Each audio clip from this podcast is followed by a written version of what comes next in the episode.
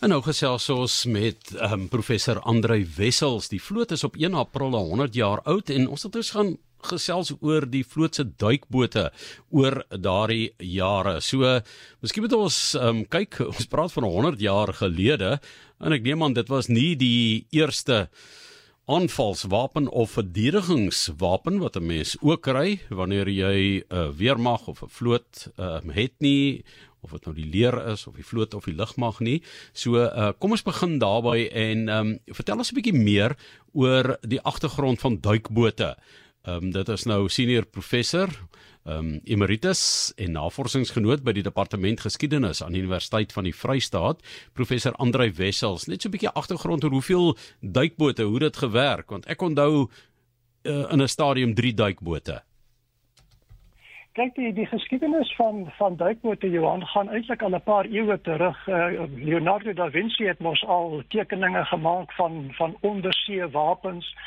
En so deur die jare heen was daar talle eksperimente gewees in sommige gevalle die die ontwerper uh, ongelukkig net een enkele duik onderneem en dan het hy saam met sy saam met sy uitvinding verdwyn. En dit was eers hier in die laat 19de eeu dat uh duikbote um, soos wat ek sê soos ons dit vandag ken, nie, maar wat mense dan min of meer as 'n moderne tussen aanhalingstekens duikboot kan beskou ontwerp is.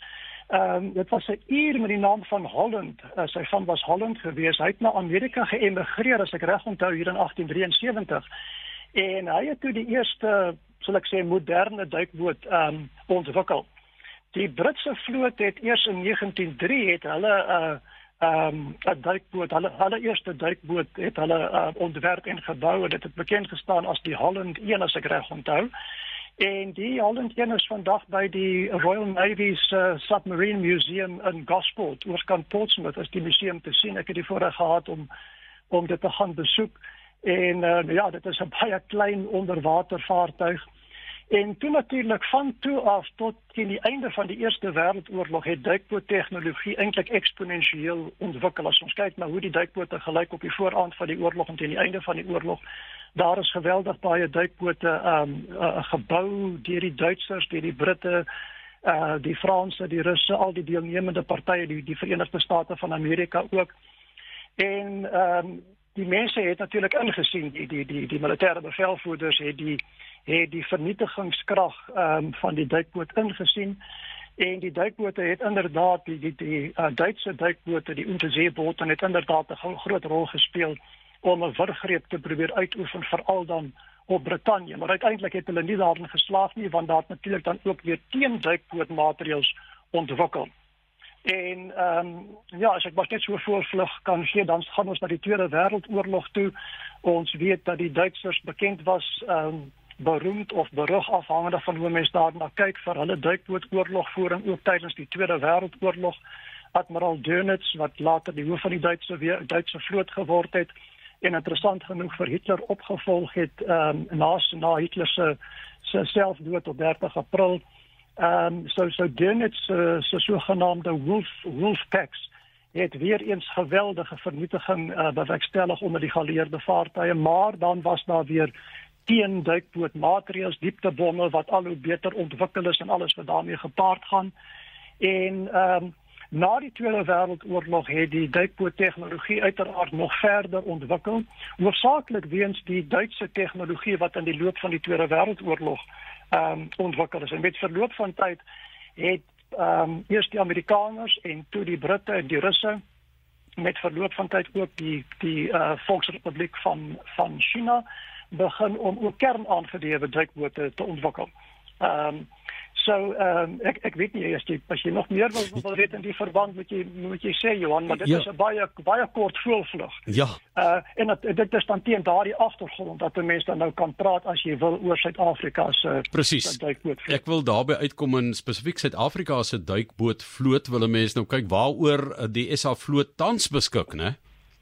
Ja.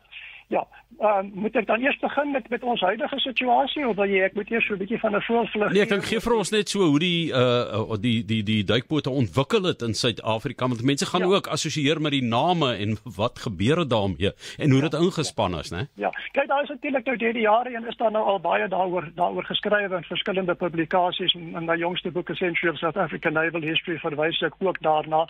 So die Die Suid-Afrikaanse weermag het in die in die 60er jare het hulle die behoefte ehm um, uh uh, uh daar gestel rondom die aanskaf van duikbote. Daar was reeds generaal Smith byvoorbeeld het hier aan die aan die ek dink dit was eers tydens die Eerste Wêreldoorlog wou hy al gehad het dat Suid-Afrika duikbote moes bekom, maar in daai stadium het, het ons eintlik nog nie eens 'n vloot gehad nie soos wat ons laas keer laas keer oorgesels het.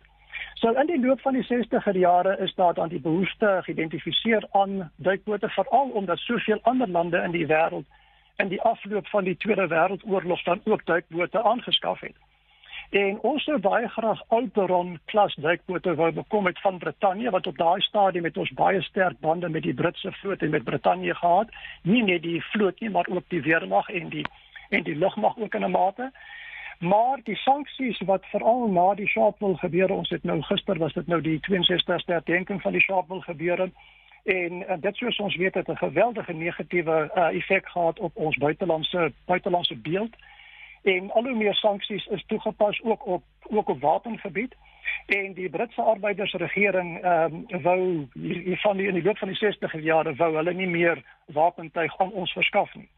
En toe moes die Suid-Afrikaanse vloot noodgedwonge gaan kyk na ander opsies. Daar's gekyk na moontlike Nederlandse duikbote want die Nederlanders is ook uitstekende ontwerpers van duikbote en die bou van duikbote. Daar's ehm um, waarskynlik ook gekyk na na die moontlikheid om die aanskaf van 'n Duitse duikbote. Maar toe is daar uiteindelik besluit op die Franse Daphne Daphne klas duikbote.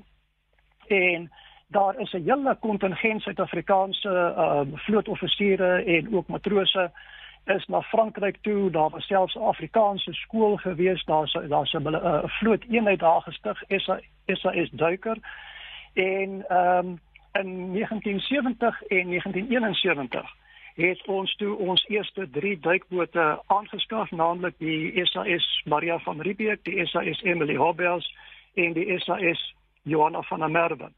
En hierdie duikbote, uh, soos ons weet, is toe met verloop van tyd in 1999 as deel van 'n breër transformasieproses is die name toe verander na onderskeidelik SAS Speer, SAS Umkhonto en SAS Asagai. So dit is dan die ontstaan gewees uh, van ons duikboot van ons duikbootvleuel. Ehm uh, 1970 71 eintlik al 'n paar jaar van tevore as ons dink in terme van die opleiding wat reeds wat reeds begin het. So ons het reeds 'n uh, 'n baie trotse tradisie van duikbote in ons vloot ehm uh, van meer as 50 jaar. En as jy wil hê dat ek nou ietsie moet sê oor die huidige Ja, asseblief. Rondom ons duikbote, dan kan ons dan kan ons daarna kyk. Ja. Kom kom ons kyk daarna. Goed. Nou die die laaste van hierdie 3 Daphne klas duikbote is in 2003 aan diens onttrek. Nou gewoonlik in die meeste vloot trouens in in alle vloot, ons is die uitsondering sover ek weet. Ehm um, wanneer uh wanneer ou duikbote aan diens onttrek word, dan is nuwe duikbote reeds aangeskaf sodat daar met ander woorde nie 'n uh, 'n gaping bestaan tussen die ou duikbote en die nuwe duikbote nie. Maar in ons geval waarskynlik hoofsaaklik ook weens finansiële redes kon ons nie bekostig om twee duikbootstelsels te gelykertyd aan die gang te hou nie. En dus was daar van 2003 tot 2006 was daar 'n gaping van ongeveer 3 jaar toe ons geen duikbote gehad het nie. Hoewel die duikboot arm steeds voortbestaan het en daar nog steeds opleiding plaasgevind, en natuurlik is van die personeel oorsee gestuur Duitsland toe gestuur om dan opleiding aan boord die nuwe duikbote te ondergaan. En hierdie drie nuwe duikbote was dan een van die positiewe gevolge, die baie positiewe gevolge van die ehm um, sogenaamd omstrede, hoewel mense siens ook nie noodwendig omstrede wapenpakket van 1998 wat onder andere behels die aankoop van vier nuwe fregatte vir die Suid-Afrikaanse vloot as ook drie nuwe duikbote. En hierdie drie duikbote is dan in 2006 tot 2008 is hulle in diens gestel, die SAS Mantatisi, die SAS Charlotte Makeke en die SAS uh, Queen Mujaji die eerste.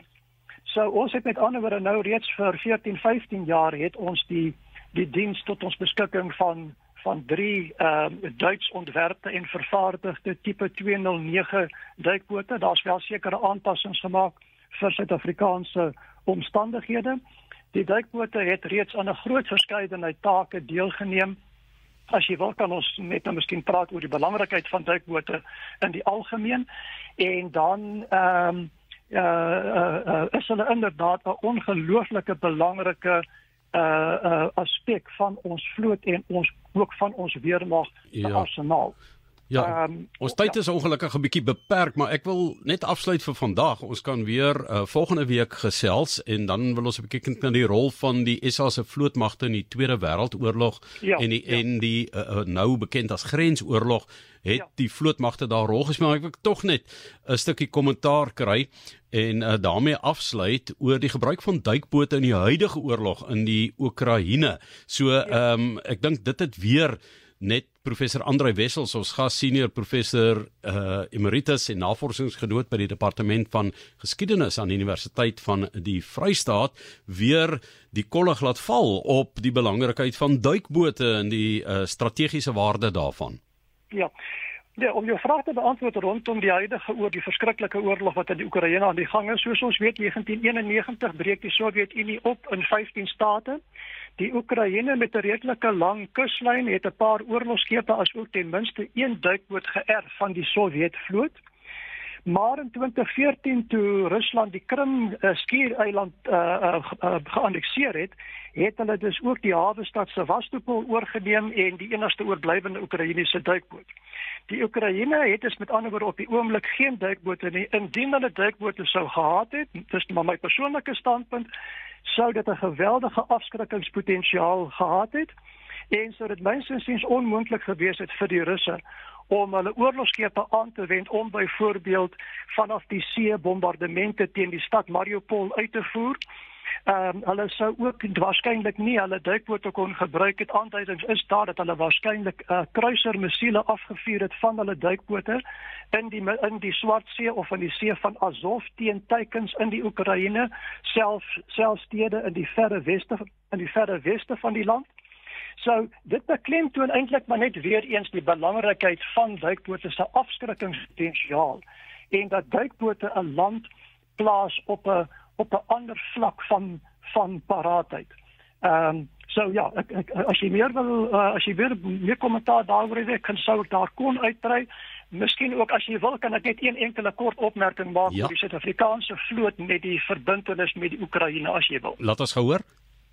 Die die vloot eh, se se verbintenis met die Oekraïne is baie beperk. Ons het naamlik van 1993 tot 2004 het ons twee gevegsteenskepe gehad naas die SAS Drakensberg het ons ook die SAS Outeniqua gehad.